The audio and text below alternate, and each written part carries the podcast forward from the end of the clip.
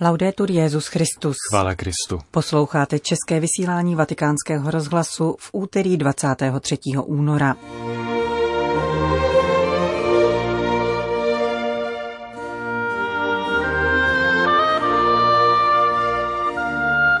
Arcibiskup Paul Richard Gallagher vystoupil na zasedání Rady Organizace spojených národů pro lidská práva. Italský tisk přinesl ukázky z nevydaných deníků kardinála Karla Marie Martiniho. A v druhé části přinášíme úryvek z knihy, kterou papež František věnoval svým spolupracovníkům k soukromým duchovním cvičením probíhajícím v tomto týdnu. To jsou hlavní témata našeho dnešního pořadu, kterým provázejí Petr Vacík a Johana Bronková.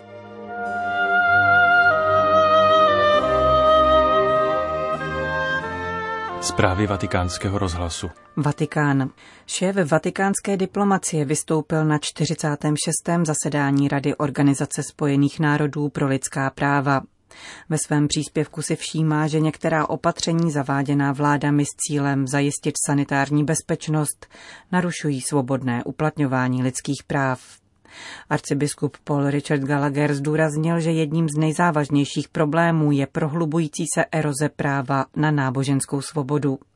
Připomněl, že toto právo má chránit nejen svobodu svědomí, ale také veřejné vyznávání víry, jak formou bohoslužebné praxe, tak vyučování. Vatikánský sekretář pro vztahy se státy, který je protějškem ministra zahraničí, si ve svém videoposelství všímá, že jedním z vedlejších efektů boje proti koronaviru je rozvolnění našeho chápání lidských práv. Abychom je mohli jako mezinárodní společenství autenticky uskutečňovat, musíme základy lidských práv znovu objevit, zdůraznil arcibiskup Gallagher.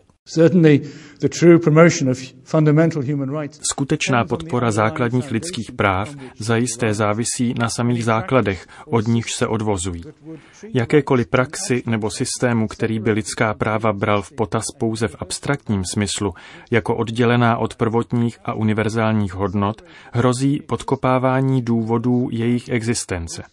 V takovémto kontextu práv zbavených hodnot se institut lidských práv stává zaměnitelným za převládající módu, převládající vizi či ideologie.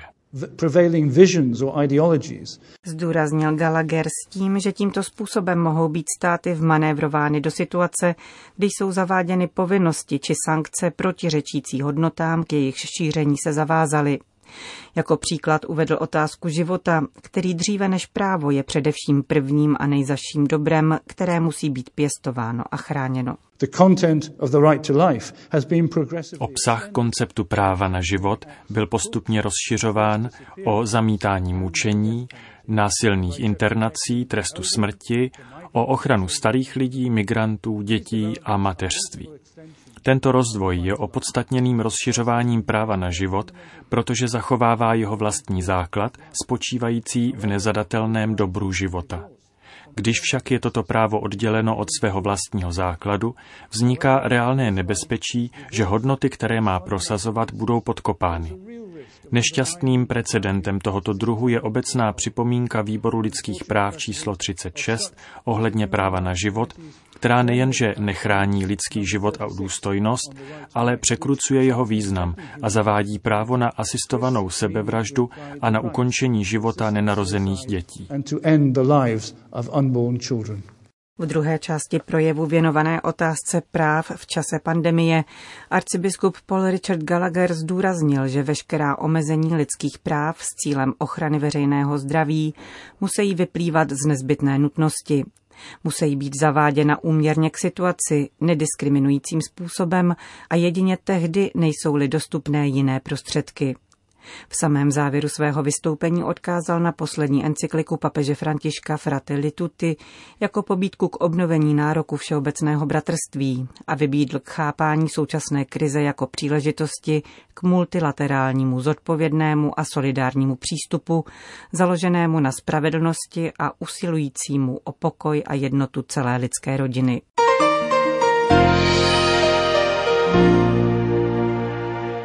Itálie. Italský deník La Repubblica přinesl první ukázku z dosud neznámého souboru 34 soukromých deníků kardinála Karla Marie Martiniho. Tento jezuita po řadu let vedl největší evropskou milánskou arcidiecézi a patří k vůdčím postavám katolické církve od 80. let minulého století až do nového tisíciletí. O existenci kardinálových zápisků dosud vědělo velice málo lidí, jelikož autor je považoval za tajné a s nikým o nich nehovořil.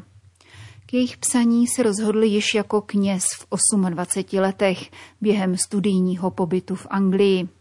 Vysvětluje to v záznamu z 5. září 1955. Večer jsem přijel do Londýna a přečetl si několik stránek Mertonových deníků, píše mladý Carlo Maria Martini.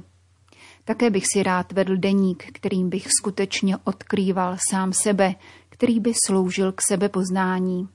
Chtěl bych, aby mne přibližoval k Bohu, ale obávám se, aby se nestal nástrojem k sebeuspokojení. Na jedné straně cítím, jak jsem spoutaný a nepatrný, na druhé mám pocit, že mohu vyslovit něco velkého. Chtěl bych, abych se vše dělo jen pro Boha, i za cenu, že rozdrtím, co ze mne samého zbývá. Učiň můj Bože, ať se tak stane. Rukopisné Martýnyho deníky obsahují spontánní myšlenky a právě jejich důvěrný ráz může bez patřičné kontextualizace vyvolat různá nedorozumění. Z toho důvodu, jak v italském tisku vysvětlil Carlo Casalone, předseda nadace Carla Marie Martiniho a někdejší provinciál italských jezuitů, po určitý čas deníky nebudou přístupné, neboť vyžadují pečlivou ediční, redakční a analytickou práci odborných rukou. K nejzajímavějším deníkovým stránkám patří zápisky věnované vztahu k jiným náboženstvím, což je také téma posledního svazku z řady Martýnyho sebraných spisů, který vyšel pod názvem Bratři a sestry, židé, křesťané, muslimové v italském nakladatelství Bompiány. V knize Hovory v Jeruzalémě, která vyšla také v českém překladu, Martýny tvrdí, že Bůh by také mohl být nikoli tradičně katolický. V dokumentech, které jsou již dostupné v archivech Martýnyho nadace, tyto myšlenky nadále prohlubuje a konfrontuje se s islámem, buddhismem i hinduismem, uzavírá italský deník La Repubblica.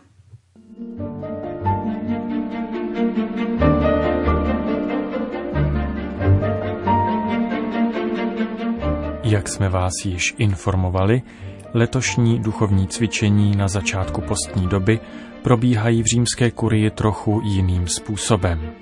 Kvůli hygienickým opatřením během pandemie COVID-19 se nekonají společná setkání účastníků, nýbrž každý koná exercicie sám. Papež František proto několik dní před začátkem kuriálních exercicí rozeslal všem účastníkům knihu, kterou nedávno vydalo italské nakladatelství San Paolo pod názvem Měj na srdci pána, jako materiál k jejich meditaci.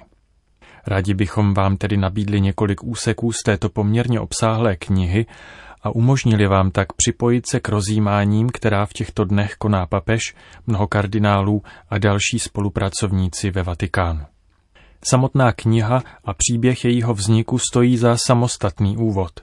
Římský pomocný biskup, jezuita Daniele Libanori, který je prakticky biskupem vnitřní části města Řím, dostal před více než 20 lety fascikl stránek psaných na stroji jeho přítelem. V doprovodném dopise, který mu jeho přítel poslal, je popsáno, odkud tyto texty pocházejí. Spíše objemnější balík svázaných rukopisů, psaných latinsky úhledným písmem jakéhosi písaře v 17. století, se ukázal být sbírkou velmi kvalitních ponaučení neznámého duchovního učitele. Díky malé poznámce na okraji jednoho z listů, která poukazuje na klášter svatého Bartoloměje, se prozatím ustálilo označení autora těchto textů jako mistra od svatého Bartoloměje. Jde zřejmě o sbírku dopisů, které k jednotlivým tématům duchovního života dostal jeden z mnichů a později je začal přepisovat pro někoho dalšího. Tyto přepisy byly koncem minulého století náhodou zakoupeny v obyčejném pojízdném antikvariátu přítelem biskupa Libanoriho. A tento člověk, který pro nás zatím zůstává bezejmený, poctivě přeložil všechny tyto texty do italštiny. Byla to další náhoda, která způsobila, že se k nám nyní dostávají. Jeden z mladých badatelů, který byl na návštěvě u biskupa Libanoriho, viděl totiž na jeho stole onen strojopis. Přečetl si první dvě strany a text ho zaujal natolik, že požádal, zda si může celý text vypůjčit. Byl pak četbou tak nadšen, že nakonec inicioval vydání celého překladu v knižní podobě. Tyto texty, existující zatím pouze v italštině, se pak nedávno dostali do rukou papeže Františka. Není divu, že papeže tak zaujali a že je doporučuje pro duchovní cvičení. Jejich jednoduchost, přímost a hloubka jsou velmi blízké papežově spiritualitě. Doufejme, že jednou budou moci výjít také v češtině. Dnes vám nabídneme jeden z klíčových textů, který obsahuje vlastně jen jediný praktický pokyn, který se snaží zkušený mnich nabídnout a vysvětlit svému žákovi.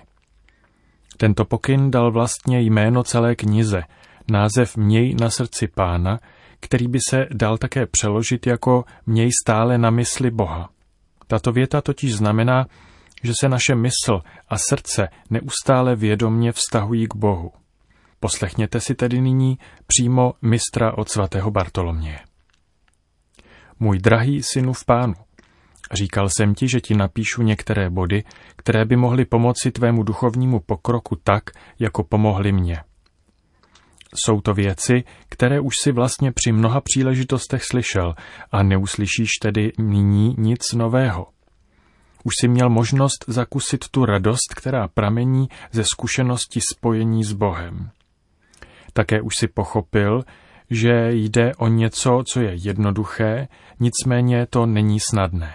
Jde tu o to, nakolik je to možné, neotvírat dveře tomu, co vede k roztržitosti.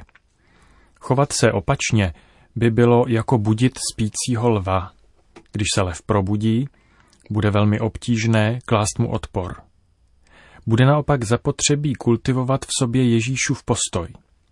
Jakkoliv se totiž snažíme, naše tendence nebo vnější okolnosti nás nakonec zavedou do úzkých.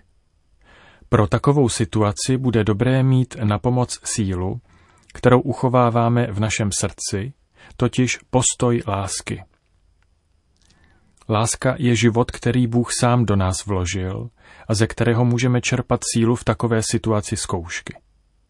Naše vlastní síla závisí na našem charakteru, který často není dost zralý. Láska je ovšem boží silou v nás. A podobně, jako si nějaký nepřítel nedovolí zaútočit na příbytek slabého člověka, dokud je u něj na návštěvě jeho silný přítel, protože by pak měl co dočinění s tím silným, i když jinak by pro něj bylo snadné zaútočit na slabého, tak také když křesťan uchovává ve svém srdci lásku, která je Bůh sám, nemusí se bát svých nepřátel, protože má u sebe někoho, kdo ho ochrání před jakýmkoliv útokem.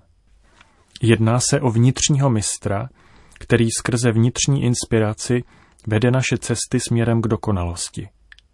Duch svatý na nás totiž nebyl vylit o nic méně než na Marii a apoštoli. A ačkoliv tento duch je síla, které nelze odolat, obvykle vyžaduje otevřené srdce, které je připravené a pozorné ke každému závanu ducha. Jeho inspirace jsou ve skutečnosti jako tichý vánek. Nevnucují se, nýbrž lehce naznačují. Tak jako by to dělala pozorná matka třeba svým pohledem, zmínkou nebo zašeptáním. Nauč se tedy naslouchat tomuto duchu a on tě povede vzhůru.